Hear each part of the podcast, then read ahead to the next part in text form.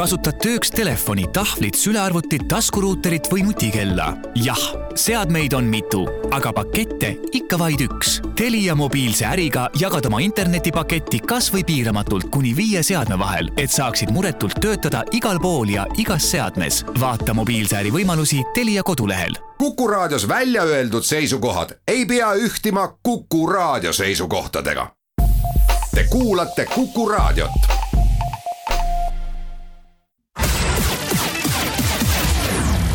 Nädala Tegija. nädala Tegija astub hääletusammuga RM stuudio põrandal. nädala Tegija alustab, tere päevast. ja nii kurb, kui see ka ei ole, peame täna alustama kindlasti Eesti spordi jaoks, aga mulle tundub, et natukene juba kogu Eesti maine jaoks äh, kurval teemal. Ja räägime täna spordist ja spordi kurvemast poolest ehk dopingust. saatesse külla olen küll kutsunud inimese, keda mina ise olen ristinud hüüdnimega härra antidoping. tere päevast, Kristjan Port. tere.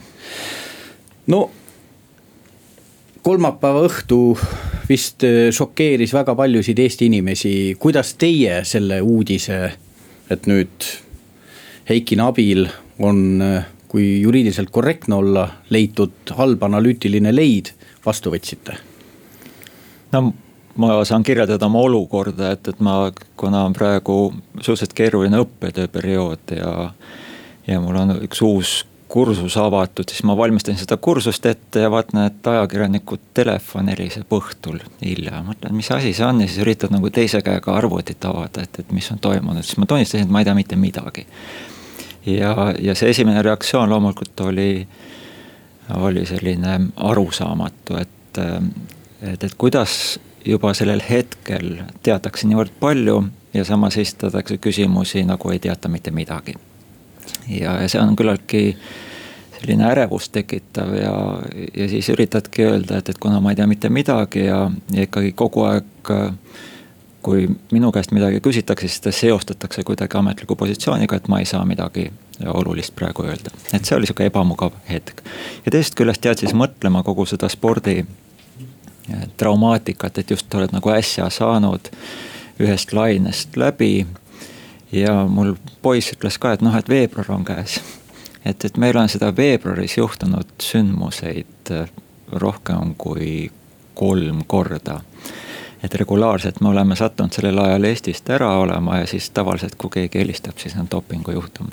enam-vähem hakkasin ootama, et, et sama, sama needus.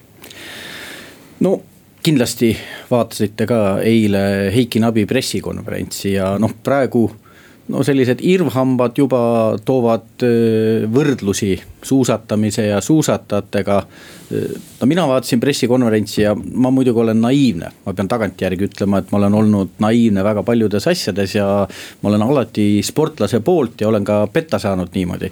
aga no eile Eiki Nabi pressikonverentsi vaadates ja, ja noh, kõiki muid reaktsioone no ma ei tea, minule tundub see sportlane siiras, et kuidas teile inimesena noh, kes on võib-olla seda dopingu asja hoopis eh, sügavamalt näinud ja noh, selles mõttes ka eh, oskab võib-olla paremini näha, et kuidas see mulje on? see ongi üks äärmiselt ebamugav olukord, sest et ähm, et kui ma nüüd ütlen, et, et mulle tundub ta siiras, et, et mida see siis tähendab, et, et oleks ma tavaline kodanik, mul on õigus öelda, et, et. et äh, vaat kui tore inimene, et, et ma olen Veerpalu suhtes ka arvanud, arvanud, et vaat kui tore ja Mati Alaveri. olen tsiteerinud ja temaga koos loengut pidanud, et äh, alati oled kuidagi mõtelnud, aga nüüd. sa iseenda sees oled nagu kogu aeg ettevaatlik, on, on mingi selline. ma ei ütle, et see on küüniline aga ta on selline ettevaatlik, et, et kas ikka asi on ilus. ja siis sa oled teisest küljest äh, avastad, et kui inimene tegelikult süüdi ei ole, siis sa teatud mõttes oled tema juba enda sees süüdi mõistnud, et selline.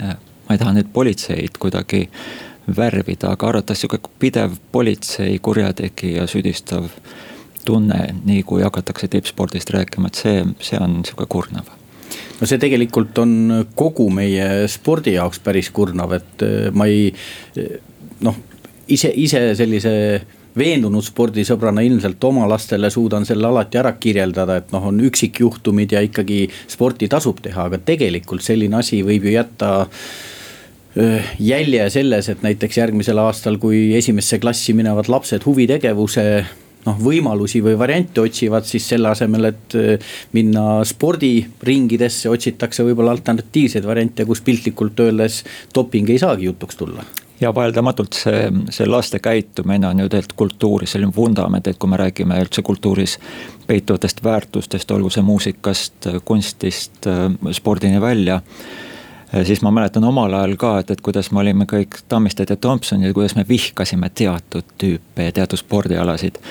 Ja, ja seda viha on tänasel päeval väga kerge tekitada, kuna see meedia efekt lastele on palju suurem ja kättesaadavam et, et see on tõeliselt traagiline. ja no lisaks ka siis jätame lapsed kõrvale, et, et me näeme, kuidas see välispartnerite mälusse jäävad, et kuna meie peamine sõpruskond on ikkagi seda spordi väärtust jagavas ruumis suuresti langeb sellega kokku ja neil jäävad meelde ikkagi sellised, oota, teil oli jälle seal midagi ja teil see tippudega oli.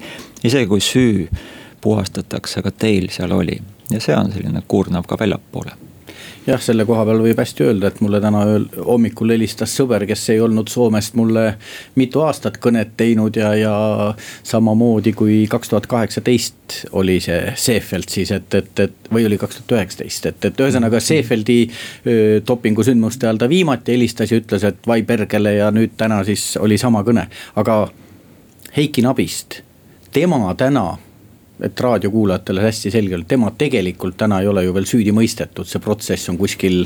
no ma ei saa öelda, et alguses, aga ta on alles algusjärgus.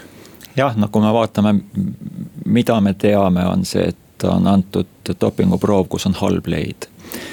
sellele halvale leiul võib olla väga ilus põhjus, mis vabastab inimese süüst ja, ja seega on see nüüd käesolev protsess, mida me peame läbima, et, et tuvastada, et, et kas seal on allblade olemas, ta väljendas, et äh, soovi ka B-proov avada, see tähendab, et kas testimisest saab mingisugune erakordne leid olla, see on ääretult väike tõenäosus, et äh, küll see B-proov äh, sisaldab midagi muud või ei sisaldagi seda.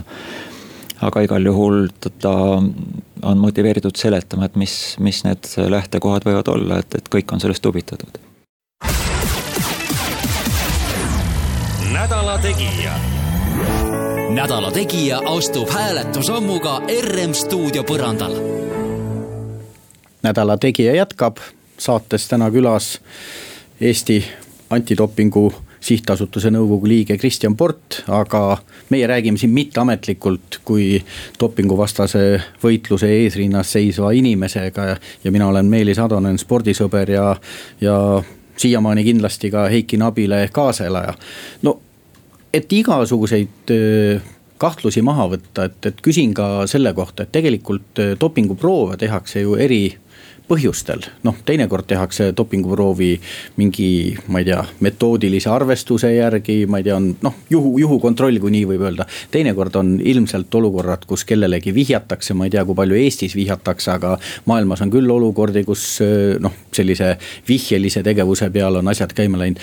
mis dopinguproov, kas oli kohalik? või rahvusvaheline kontroll, mis siis seekord kuuendal jaanuaril, kui ma ei eksi, Heiki Nabit tabas ja ma saan vastata nagu kahte moodi, et see on Eesti antidopingu poolt tehtud äh, regulaarne kontroll. nüüd see motivatsioon, mille pärast kedagi testitakse, seal võib tõesti näha vot kolme-nelja erinevat strateegiat, üks on see random või juhu, juhuvalim see tähendab, et noh, kui me lennukiga sõidame ka, et, et meil on vist kõik on natukene rohkem pigistatud siit ja sealt.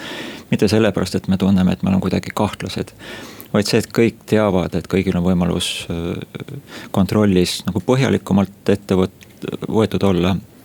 et sihuke random juhu, juhuvalim on, on, on, on see üks metoodika teine on siis see, et, et tõesti see intelligence gathering või, või, või tõenäosus äh, mingisuguse vihjete ja info põhjalt, et kus on see risk suurem.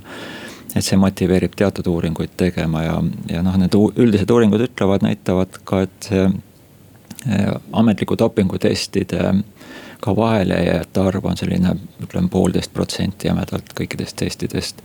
dopingu kasutajate arv siin erinevad analüüsid viitavad pigem sihuke kolmekümne protsendi suurusjärgus, nii et, et sinna jääb päris suur aken vahele. ja seetõttu on, on, on oluliselt muudetud pärast enam-vähem olümp-, Londoni olümpiat on seda seda uurimispõhisust suurendatud, et, et see siht märgistatus oleks parem ja informatsiooni kogutakse rohkem. ja kolmas on tippsportlased kui taolised, et nad lihtsalt on suurema väärtuse kandjad ja, ja seal on omaette, et me ei pea kedagi kahtlustama, aga tippsport tuleb äh, võtta paremini vaatluse alla ja et, et need on enam-vähem kolm peamist äh, suunda. ja, ja, ja antud juhul oli jah tõesti, et Eesti antidopingu poolt korraldatud regulaarne test.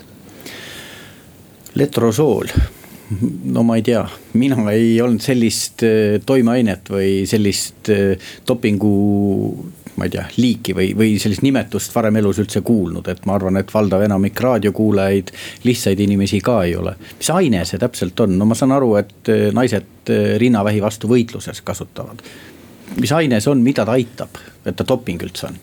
jah, noh siin võib vastata ka mitmes harus, üks on, ma nimetan selle kohe ära ja siis jätame selle sinna, on see, et et dopingu kasutajatel on oma mingisugused sisemised arusaamad teatud ainetest, mille kohta ülejäänud maailmal on hoopis teistsugune arusaam.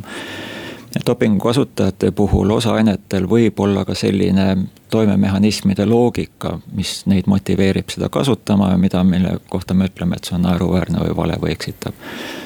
ja, ja, ja samuti sellesse samasse patta võib panna ka selle, et et doping ei garanteeri head tulemust, et, et me võime seda ka täiesti eraldi analüüsida, käsitleda. ja seega see dopingu kasutajate enda loogika võib olla täiesti metsik, aga nüüd, kui me läheme letrosooli kui ravimimaailma äh, ideestiku ja sellise avaliku dopingu maailmas keelustamise loogika juurde on siis see, et, et ta on siis noh, nimetatakse aromataasi inhibiitoriks, aga, aga meie kõikide kehas on kahte tüüpi hormoone jagatakse hästi jämedalt. on sellised hormoonid, mis kutsuvad esile naissoo sekundaarseid tunnuseid ja sellised, mis rõhutavad meessoo sekundaarseid tunnuseid, mõlemas äh, soos on need hormoonid olemas. meestel on umbes kolmkümmend korda rohkem testosterooni ja estrogeeni on, on sellest võib-olla, et selline saja, kahesajandik, et, et naissuukormad, need on olulised ka meeste organismis luustumise ja, ja mitmete teiste ainevahetusprotsesside jaoks. nüüd kui mehed toodavad rohkem, see steroidide tootmine on selline nagu kingavabrik, seal on igasugust nahatükke ja juppe, vaheprodukte. siis osa nendest vaheproduktidest muudetakse sandaalideks, naiste kingadeks, ütleme ja see aromataas seda teebki ja mida rohkem meestes testosterooni on, seda rohkem tekib ka seda naissuguhormooni osa. ja, ja seda võib mõnes mehes ka rohkem olla ja siis tuleks seda piirata, pärssida ja nüüd, kes kasutavad kehavälist äh, testosterooni, nende puhul vaieldamatult hakkab see naiselikkuse sekundaarse naissoodunuste esinemine äh, tugevalt segama, seal on günekomastiak, rindade tekke, seda võib jõusaalis meeste peal märgata äh, kiilastumine, rasva paigutumine teisiti kui meestel paigutub. et terve hulk selliseid äh, naise ainevahetusega seotud iseloomulikke tunnuseid ja seda tuleks pärssida. ja siis võetakse siis äh, erinevaid rinnavähi raviks mõeldud ravimeid kuna rinnavähi rasvkoe kasvu ja vähi, vähikoe kasvu pärssimiseks tuleks nende estrogeenide kontsentratsiooni vähendada ka naistes ja, ja siis seda ravimit naised kasutavadki. ja siis, kui küsida, et miks mehed kasutavad, siis on üks väikene sektor, kus on õigustatud äh, teatud hormonaalregulatsiooni häirete puhul peamiselt nooremas vanuseas. ja siis teine on see, kui sa oled see patune testosterooni süstija, kelle kogused on nii suured, et, et sul lihtsalt see naissootunnused hakkavad domineerima räägime selle ka ära, et eh, seda no ma ei tea, minu esimesed kokkupuuted eh, dopinguga, ma mõtlen ajakirjanduse kaudu, oli nii, et seitsmekümne kuuendal aastal vist olümpial Kalina Kulakova tollal olid karistused leebed, ta vist jäi ühest distantsist kõrvale, kuna. kui ma õigesti mäletan, nohurohui oli ja venelased ei teadnud, et seal on see pseudoefedriin ja mm -hmm. noh, see oli doping, aga seda ei loetud suureks patuks. no ma ei tea, seda praegu jutuks olevat ainet vist juhuslikult mingi sellise noh, et võtsin nüüd vale nohu või võtsin või ma ei tea, mingi muu vale köharohu ja vot seal oli sees, et seda vist päris nii ei, ei ole võimalik välja vabandada. Noh, võimatuse peale siin apelleerida keerulises maailmas on ka raske, et äh, meil ei ole välistatud, et seda võib keegi kuskil näiteks toidulisanditesse panna, et, et jällegi see on üks lootus, et kui meestel äh, testosterooni taset tõsta, siis miks osa testosteroonist estrogeeniks muuta, et blokeerime ära, aga tõesti, see on üks, üks kahesajandik sellest testosterooni tasemest, et sellepärast ei tasu seda, seda kindlasti võtta ja see Kulakova ja arvan, et selle üle on palju ka nalja visatud, kes, kellele Barclay kinkisid, et, et seal on pigem ikka need karmimad ained võeti kasutusele. aga, aga et noh, tänase päeva mõttes tõesti seda, seda, seda spektrit, millega kehasse sekkutakse seal on see täisloogika farmakoloogiliselt ja ravimitööstuses või kogu see teaduses läbi proovitud ja siis on see hullumeelne sportlik äh, loogika. et ja noh, me võime Olaveri juhtumist ka näha, et, et seal on ravimeid, mis on loomaravimeid, mida ta on äh, juhendanud äh, ja siis on osa selliseid bioaktiivseid aineid, mida saab ainult kasutada laboratoorseks uurimiseks ja tema ütleb, et, et võtke aga. teoorias ei ole noh, ütleme sellist kaitsekõnet võimalik teha, et noh, see ravim on nii süütu, et teda ei tasugi väga võtta, et, et noh, mis see, mis see ikka teeb, et, et nüüd natukene teda mul organismis oli. ja eks seda on väga raske nagu siin jälle võib-olla eelmise vastuse juurde tagasi korraks tulles, et, et. et kui me vaatame toidulisandite turgu ja tööstust, siis ta on suhteliselt kehvasti reguleeritud ja reguleerimata, et seal on sihuke mamma-papa garaažifirma võib hakata toidulisandeid tootma. ja ja kuna see turg on hästi tihe, siis mõned panevad sinna aineid sisse just sellepärast, et see lõppkasutaja saaks aru, et ohoh, see ongi teistest parem. aga sportlane peab vastutama. Ja kui sa oled tipus, siis sa pead teadma, mis sa suhu paned. nädala Tegija. nädala Tegija astub hääletusammuga RM stuudio põrandal. nädala Tegija jätkab räägime täna mitte just meeldivast teemast, aga kasvõi tuleviku jaoks väga vajalikust spordi seisukohalt üliolulisest ja teemast ehk dopingust. ajendatud muidugi kolmapäeva õhtul Eesti avalikkuses kärgatanud Heiki Nabi halva analüütilise leiu uudisest ja saates külas mul härra Eesti antidoping Kristjan Port no räägime veel korra motivatsioonist või sellisest eh, sportlaste tahtmisest, et, et mina olen selline juba kordu-, korduvalt ütlen, et, et natuke naiivne spordihuviline olnud ja tõesti arvanud, et noh, nende petiste ja kaabakate hulk on tegelikult spordis väga väike, et, et, et ma saan aru, et äh, tegelikult nagu tehtud uurimused näitavad, et nagu võimalus libedale minna on tegelikult päris ahvatlev ja päris paljud sportlased äh, karjääri jooksul ikkagi, ma ei tea, käivad läbi selle musta tee jah, mind see just huvitab sellise sotsiaalse inimliku protsessina, mitte, mind ei huvitagi see antidoping niivõrd palju, vaid just, et see riskikäitumise ajendid ja tippsportlane on sada protsenti selle dilemma ees võtta või mitte võtta, et, et, et kui teades, et, et see on üks viis, mida selles valdkonnas tehakse, siis kõik on ju selle, selle valiku ees, et sa võid kuskil amatöörina öelda, et, et, et, et no way, et mul on teatud põhimõtted, aga. aga tippsportlane teeb selle ratsionaalse valiku ja siis tekib see küsimus, et kuidas ta tunnetab seda maailma, et, et kui suur tõenäosus on tal üldse Google'i jõuda, et sponsorile ta peab atraktiivne olla, olema erinevatel põhjustel ja, ja, ja, ja see, mida ta kuuleb, on taas negatiivsed uudised, et see juba pelgalt äh, eriti siis nõrgema äh, närvi kavaga inimesi ja võib-olla äh, halvemini informeeritud inimesi kallutab rohkem dopingut kasutama, aga uuringud jah näitavad, et.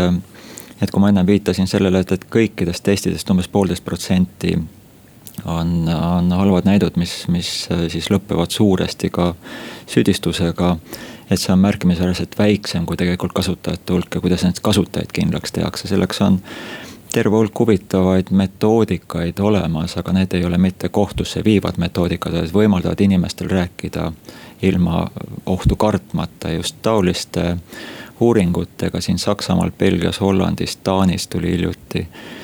et äh, tippsportlaste hulgas on ta enam-vähem, hinnatakse sellisest äh, kolmest-neljast protsenti, see on nagu erinevad ka, et kas eelmisel hooajal kasutasid midagi keelatud ainet või oled elu jooksul kasutanud ja kui me vaatame seda elu jooksul kasutajate hulka.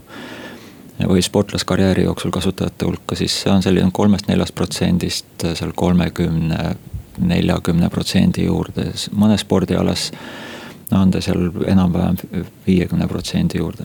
mis on ju tore selles suhtes, et, et vaata see viiskümmend protsenti või seitsekümmend protsenti ei ole kunagi elu jooksul dopingut kasutanud, vähemalt on ta, ta saab nii päris julgelt väita. ja nüüd, kui me vaatame mehi ja naisi eraldi, siis naiste riskikäitumine on tunduvalt väiksem, et, et see enam-vähem seal, kus naiste riskikäitumine lõpeb seal kuskil, nad hakkavad seal võib-olla elu jooksul on seal kaks, kaks pool protsenti kuni seal kuskil kaheksateist protsenti, mehed algavad enam seal kaheksateistkümnest seal kolmekümne plussi peale ja, ja jämedalt minu arvates Taani uuring, kus on tippsportlased, oli selles küsitluses üle viiesaja, kes lõplik, lõplikult äh, vastasid. Et enam-vähem selline seitsekümmend pluss protsenti saavad oma karjääri edukalt tehtud ilma dopingut kasutamata. mis omakorda tähendab, et dopinguga sa ei võida tingimata, dopinguga sa võid kahju teha ja just selle tõttu, et sa ei ole nutikas, vaid sa mõtled, et sellise kirvetööga suudan oma, oma võimekust parandada. kuigi vaieldamatult seal on ka neid hästi tarkasid dopingu kasutajaid aga ka see toob kogu selle spektri edasi, esile ja, ja minu arvates on hästi oluline ka meie sellises rahvuslikus diskussioonis omada seda helgemat poolt, et me kogu aeg ütleme, et ah nagunii kõik panevad, noh ei, tegelikult see ei ole nii. selle, ma ei tea, noh kuidagi selle tõestuseks, et, et kui rumalalt tegelikult dopinguga ringi käiakse, iseenesest ju need kuidas ma siis ütlen, materjalid, mis, mis nüüd viimasel ajal on avalikustatud, kust on näidatud, kuidas meie suusatajad tegelikult asju ajasid. Ühelt poolt on see nagu, kuidas ma nüüd ilusti ütlen, õpetamise positiivne materjal ja teiselt poolt on see ju teatud inimeste mõttemaailma täieliku sellise arulageduse ehe näide.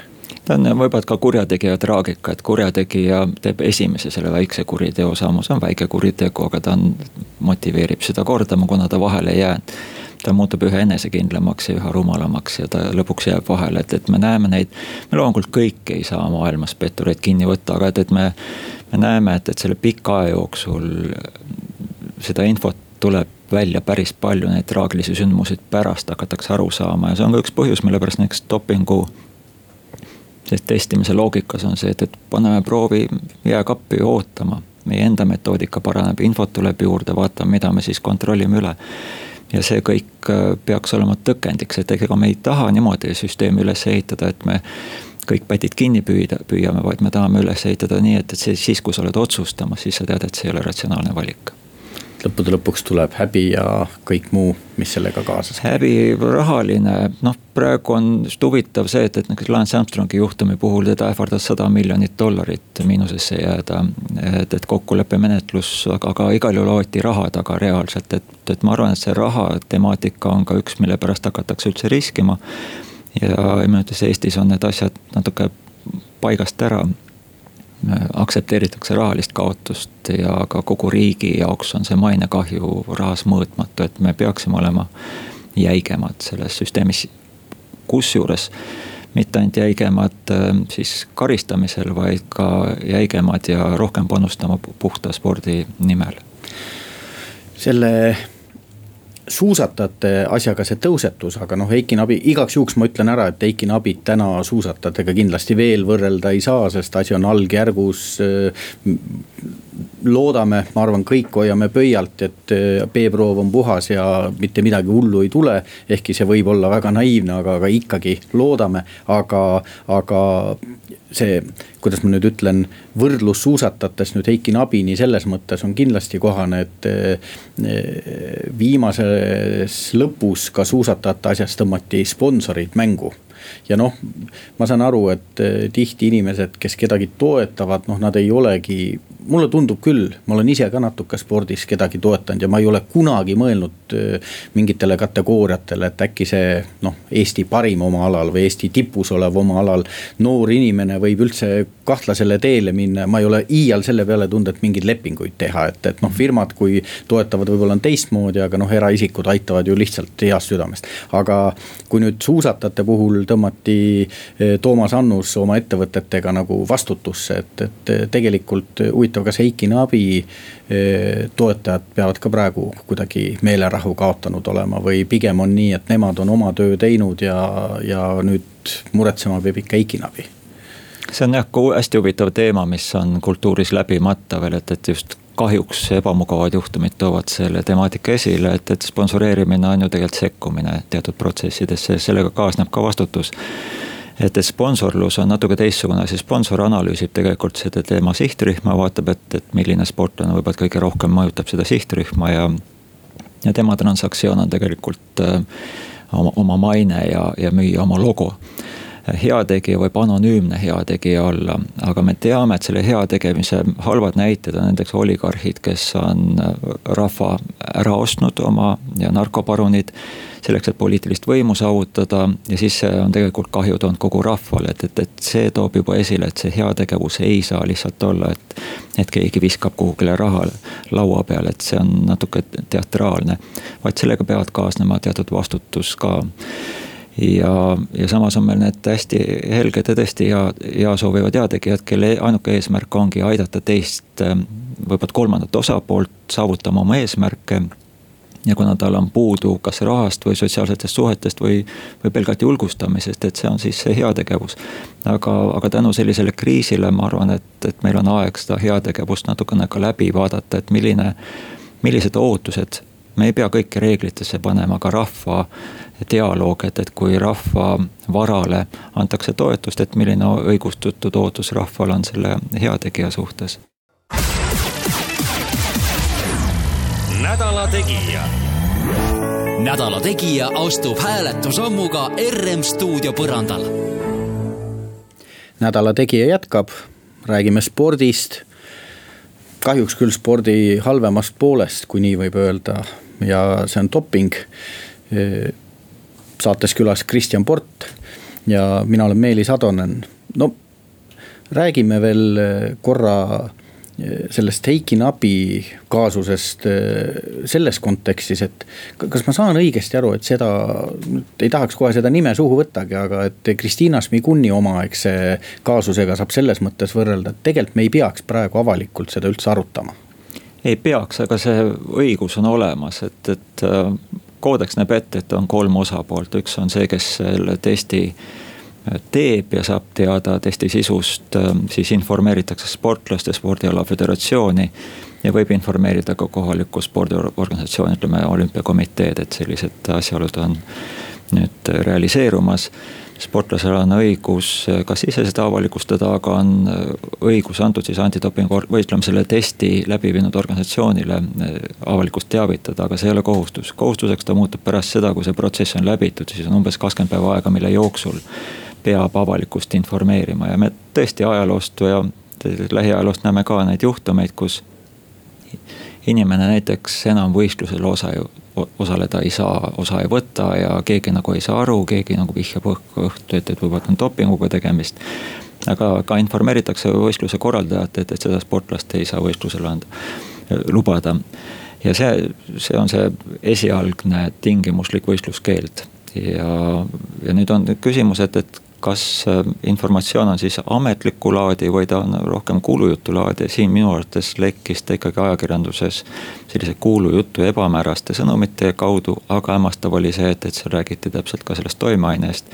et keegi kuskil ikkagi oli seda ametlikku teavet äh, levitanud ja kui ma küsisin meie organisatsioonist, kas seda on tehtud, öeldi, et ei, et igal juhul meie poolt see ei ole et kuskil noh, teoorias on ikkagi nii, et kuskil keegi ületas oma volitusi, kui lihtsalt öelda. jah, et äh, õigus on nii sportlasel öelda, et, et minuga on praegu selline juhtum, et äh, Šmiguni puhul oli see teise. no seal oli vist Suusaliit, kes avalikustas, kui ma õigesti mäletan, Kristiina. esimesel korral küll, aga see teise korra puhul oli, et kus Vene, Vene meedias oli ja siis tema tuli Aktuaalsesse Kaamerasse seda, seda rääkima, aga et, et tõesti, et juhul, kui see klaaritakse ära, et, et sul on tuuerand, see on terapeutiliste terapeutilise õiguse kasutamine ravi eesmärgil, et, et, et siis on seda juhtumit ju ei ole sisuliselt ja, ja seda ei peaks avalikkuse ees kõigepealt negatiivseks värvima et, et, et see, see kaitsefaas on olemas, aga ta on jah, seal on teatud õigused, teatud kohustused olemas. Heiki Nabi, ma saan aru, et tema on nüüd selles mõttes lõksus, et ta istub seal Ungaris, läks treeninglaagrisse, õnneks see vist peagi lõpeb, aga ta ju võistelda ei tohi ja ta seal Ungaris tegelikult võib trenni teha nii, et ta käib üksi midagi sahmimas, aga organiseeritult ja noh, ütleme teiste sportlastega koos. võistluskeeld tähendab ka seda, et tegelikult ei tohi treenida organiseeritult. jah, põhimõtteliselt kehtivad need karistuse sanktsioonid, mis oletame, võtame sihuke halva stsenaariumi, et tegemist on kurjategija kinnipüüdmisega, siis me ei ütle, et, et mine uuesti seal lasteaia juurde, et. et see loogika võib olla ebaõiglane individuaalse juhtumi puhul, aga see loogika igal kehtib, et. et kui on selline äh, tõsine süüdistus esitatud, siis, äh, siis ei saa äh, ei võistlustelt osa võtta ega ka kasutada neid hüvesid, mida spordiorganisatsioonid annavad, kuna see tähendab, et see vastutus kohe siirdub ka nendele teistele. dopingust peab ka laiemalt rääkima, et, et täna öö, kahe päeva pärast sellel ajal muidugi juba võitjad on lõpetanud ja, ja, ja rahvasportlased tugevamad on ka juba lõpetanud, aga toimub Tartu maraton, et, et nii imelik, kui paljudele inimestele, kes siin piirangutega võitlevad, ei tundu. siis äh, üle kolme ja poole tuhande inimese on praegu end kirja pannud ja kavatsevad minna külma ilma trotsima. me oleme varem ka sellest rääkinud ja ma pean ausalt ütlema, et Kristjan Port on mind äh, harinud selles mõttes, et ma olen alati arvanud, et miks minusugused tšainikud. noh, selles heas mõttes ma loen enda sportlasena ka nooruses tehtud tulemustega sellisesse tugevasse tšainiku kategooriasse. et inimesed, kes seal, ma ei tea, Tartu maratonil on võib-olla teises sajas ja, ja naudivad justkui millegi tegemist, et miks nad peaksid üldse mingite keelatud ainete peale võt, mõtlema. aga ma saan aru, et neid mõtlejaid ikka on ja kui me viimati sellest siin saates juttu tegime, siis olen hakanud natuke lahtisemate kõrvadega kuulama ja, ja no ikkagi neid inimesi, kes ma ei tea, lähevad sõitma kolmesajandale kohale ja mõtlevad mingite keelatud võtete peale, neid on. Neid paraku on, et et parafraseerida seda ühte kuulsat ütlust, et, et sa ei saa võistlust inimesest välja võtta, sa võid inimese võistlusest välja võtta. et see, see soov võistelda on, muutub ühel hetkel ka irratsionaalseks, ta on rohkem tunnetepõhine ja kui sa tõesti tunned, et su mingi, ütleme, et sina oled neljasajas ja keegi on sul seal kolmesaja üheksakümnes, et, et sul on võimalus temast mööda saada, võib-olla sul on mingid etteheited talle ja üleüldse, et kes sa oled, et mis, mis peaks sulle siis äh, keelatama, et, et see on nagu üks äh, see üle piiri astumise koht, et inimesed leiavad endale õigustusi, et, et see ei ole midagi tõsist ja et, et me võistleme siin kuskil tagapool, aga ma ise, iseenda pärast. teine võib-olla, et äh, selline huvitavam nähtus on, soomlased võtsid kasutusele suhteliselt hiljuti sellise mõiste nagu kundodoping, eks see on nagu heaolu või tervise, fitnessi doping, tervisedoping kindlasti ei ole, see on sihuke oksimoron, aga et. et see on siis midagi taolist, kus kehakuvandi ja heaolu nimel kasutatakse neid keelatud aineid, käiakse trennis ja muuhulgas minnakse ka siis maratonile, et, et, et enamus kasutatakse jõusaalis oma kehakuvandi parandamiseks, aga osa jõusaali sportlased on sellised universaalsemad ja mitmekülgsemad, siis nad tahavad sinna võistlema ka minna. ja siis nad satuvad sellesse sellesse olukorda, kus neid võidakse testida ja, ja rajalt kõrvale tõsta. no aga Eestis see veel väga hästi reguleeritud ei ole selles mõttes, et sport reguleerib iseennast, et kui sa oled reeglid rikkunud, siis sa sportima ei pääse ja kui sa oled aineid levitanud, siis sa saad selle teistpidi karistuse kätte. aga et, et see, et sa kasutad nagu tavakodanik, siin keegi kätt ette ei pane. nüüd mõnes riigis, Euroopas, Belgias, vist Hollandis, kas Taanis ka on, eks spordiklubid panevad ukse peale kirja et kui sa siia sisened, siis sa pead alluma dopingu testimisele, et see on eraõiguslik kokkulepe. Ja kui ma olen meil politseiga rääkinud, isegi nad teavad, et jõusaalis aineid levitatakse ja aineid kasutatakse, siis nad ei saa sinna minna, ütleme antidopingu inimesega koos, et võtame proovi vaid nad ütlevad, peab kuriteo koosseis olema, et, et meil on see, see selline lävi veel vaja ületada. just sellepärast, et inimene läheb sinna vabatahtlikult oma trenni tegema ja ta riskib võib-olla, et teeb, üle pingutab. põhiseadus ei keela tal üle pingutamast ja põhiseadus ei keela tal ka, ma ei tea, bensiini joomast, kuigi see väga mõistlik, mõistlik ei ole.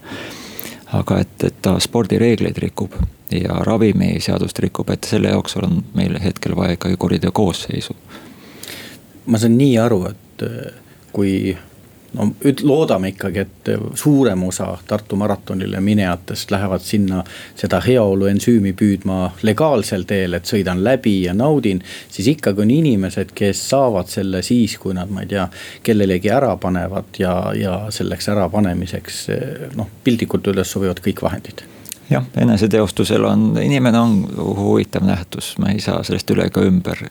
ja osa satuvad riskima heatahtlikult ja sinisilmsusest ja osa satuvad täiesti sellises arusaamatus raevus. ja, ja vaadates ähm, meie ümber olevaid riike, Rootsis hinnatakse, et täiskasvanud elanikkonnast umbes neli, üle nelja protsendi keelatud ainete kasutajaid, et Soomes hinnatakse, see on üle ühe koma ühe protsendi et ega Eesti ei saa sellest spektrist väga palju teistsugune olla ja kui tuleb kokku tuhandeid inimesi, siis kindlasti seal nende hulgas on mingisugune hulk inimesi, kes ähm, teistel tuju ära ajaksid, juhul kui nad saavad teada, et, et nad on nendest eespool, sellepärast et nad petavad. ja iseenesest neid vahendeid, noh, dopingut selles mõttes on ju suhteliselt lihtne kätte saada, sest noh. Nad on küll võib-olla teinekord retseptiravimid, aga noh, isegi siin maailmas mingit mängud toimivad ja, ja nad, nad, nad ei ole ju keelatud asjad iseenesest. Nad ei ole keelatud ja minu arvates on väga halb tõugata seda protsessi sinna, kus seda peab keelama hakkama, vaid inimene peaks ise olema mõistlik, et, et, et mida ta siis tahab lõppude lõpuks saada. et isegi kui ta on võitnud, teades, et ta on tegelikult kergelt petnud, see ei ole sugugi mugav tunne. kas selle aasta Tartu maratonil mõni proov ka tehakse? ikka tehakse. igal juhul soovime kõigile maratoni sõitjatele jõudu, Heiki Nabile.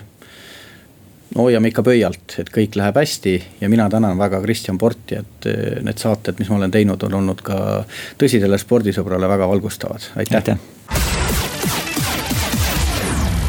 nädala Tegija. nädala Tegija astub hääletusammuga RM stuudio põrandal